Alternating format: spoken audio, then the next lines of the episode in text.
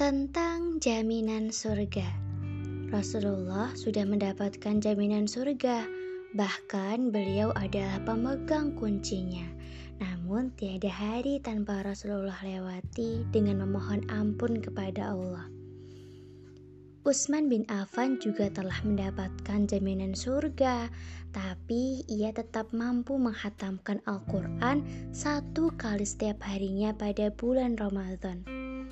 Abu Bakar pun turut mendapatkan jaminan surga, tapi tetap saja segenap jiwa raganya, harta kekayaannya, dan waktunya diinfakkan di jalannya Allah. Lantas, kita ini siapa sehingga berani-beraninya bermalas-malasan dalam mengejar surga?